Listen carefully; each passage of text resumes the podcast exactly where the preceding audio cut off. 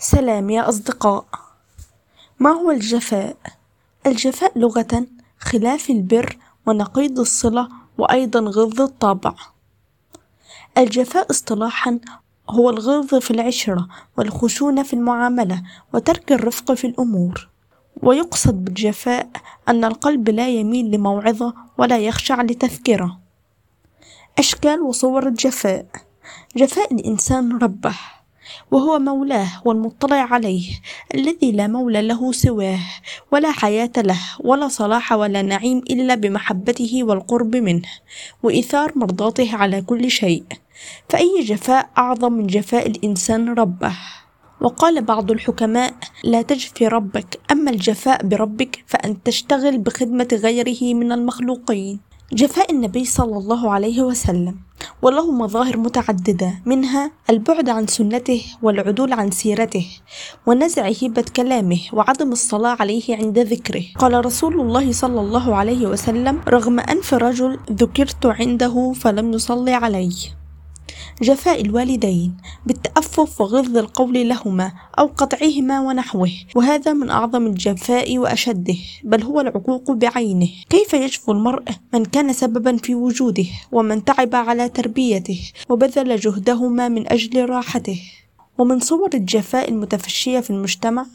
جفاء الرجل زوجته وأبنائه وذلك من أعظم أسباب الفراق وتفكك الأسر فتجده إذا دخل بيته تغيرت صورته وعلى صوته فنهر هذا وضرب ذاك وربما يكون ذلك بدون سبب أو مبرر فيتحول البيت من سكن إلى جحيم ومن طمأنينة إلى قلق وإزعاج وكل ذلك بسبب جفاء الرجل وقسوة طبعه.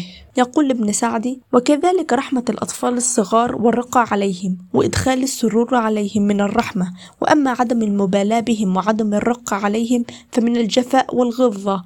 والقسوة. كما قال بعض جفاة الأعراب حين رأى النبي صلى الله عليه وسلم وأصحابه يقبلون أولادهم الصغار فقال ذلك الأعرابي إن لي عشرة من الولد ما قبلت واحدا منهم. فقال النبي صلى الله عليه وسلم أو أملك لك شيئا أن نزع الله من قلبك الرحمة؟ وقال ابن عثيمين أما ما يفعله بعض الناس من الجفاء والغلظة بالنسبة للصبيان فتجده لا يمكن صبيا من أن يحضر على مجلسه ولا أن يمكن صبيه من أن يطلب منه شيئا وإذا رآه عند الرجال انتهره. فهذا خلاف السنة وخلاف الرحمة.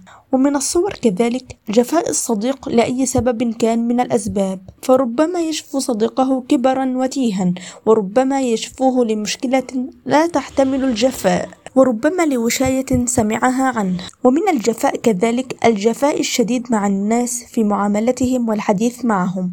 فمن الناس من يظن أنه لا يفهم حتى يعلي صوته ويقطب جبينه فتراه غليظا وقحا فظا فجا يخشاه الناس ويتجنبونه مخافة لسانه السليط وطبعه القاسي. والأدهى من ذلك والأمر جفوة المنتسبين إلى الدين عموما والدعاة إلى الله خصوصا. فإن بعضهم يظن أن هذه الجفوة من الدين وأنها تكسو الداعية وقارا وتعطيه هيبة وقد أخطأ بل إن لها أثرا سيئا وتأتي بخلاف المقصود فهي تنفر الناس عن دين الله وتصدهم عن معرفته وتباعدهم عن سبيله ويكون هو ذاته سببا في ذلك. فالرسول صلى الله عليه وسلم رقيق الطبع طيب القلب ولم يكن فظا ولا غليظا. قال تعالى فبما رحمة من الله لنت لهم ولو كنت فظا غليظ القلب لانفضوا من حولك.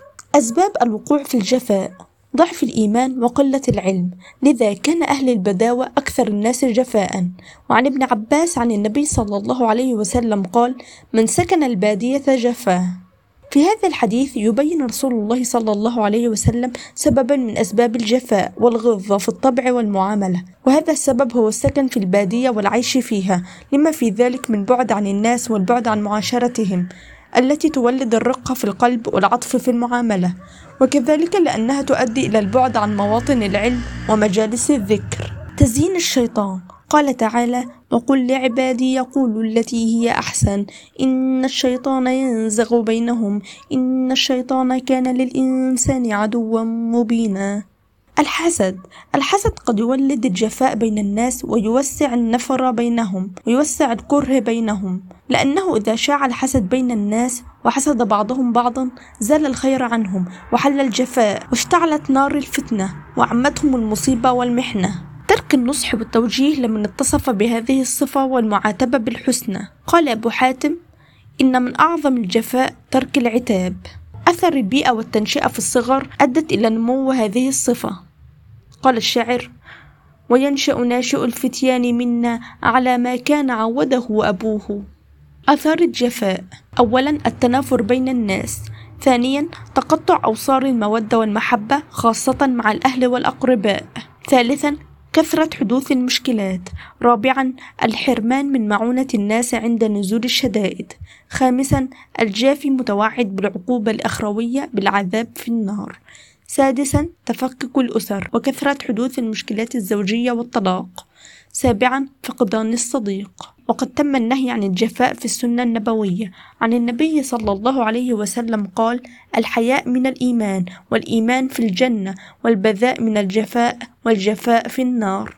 ففي هذا الحديث بين المصطفى صلى الله عليه وسلم أن الإيمان والحياء مترابطان متلازمان وهما معا يقودان صاحبهما إلى الجنة. وفي المقابل فإن البذاء وهو فحش القول والسيء منه متلازم مع الجفاء وهما يسوقان صاحبهما إلى النار. وقال سفيان الثوري إياك ومجالسة أهل الجفاء ولا تصحب إلا مؤمنا ولا يأكل طعامك إلا تقي ولا تصاحب الفاجر ولا تجالسه. الوسائل المعينة على ترك الجفاء أولا زيادة الإيمان والتحصيل العلمي الشرعي. ثانيا الاختلاط بالناس والصبر على أذاهم سبب آخر لترك هذا الخلق. فعن ابن عمر قال قال رسول الله صلى الله عليه وسلم المؤمن الذي يخالط الناس ويصبر على أذاهم أعظم أجرا من المؤمن الذي لا يخالط الناس ولا يصبر على أذاهم. ثالثا نصح الأخ لأخيه وعتابه عليه. رابعا استشعار عقوبة الجفاء في الدنيا والآخرة. خامسا الصبر على جفاء الإخوان والأصدقاء ولا يقابلهم بالمثل. شكرا لاستماعكم والسلام عليكم.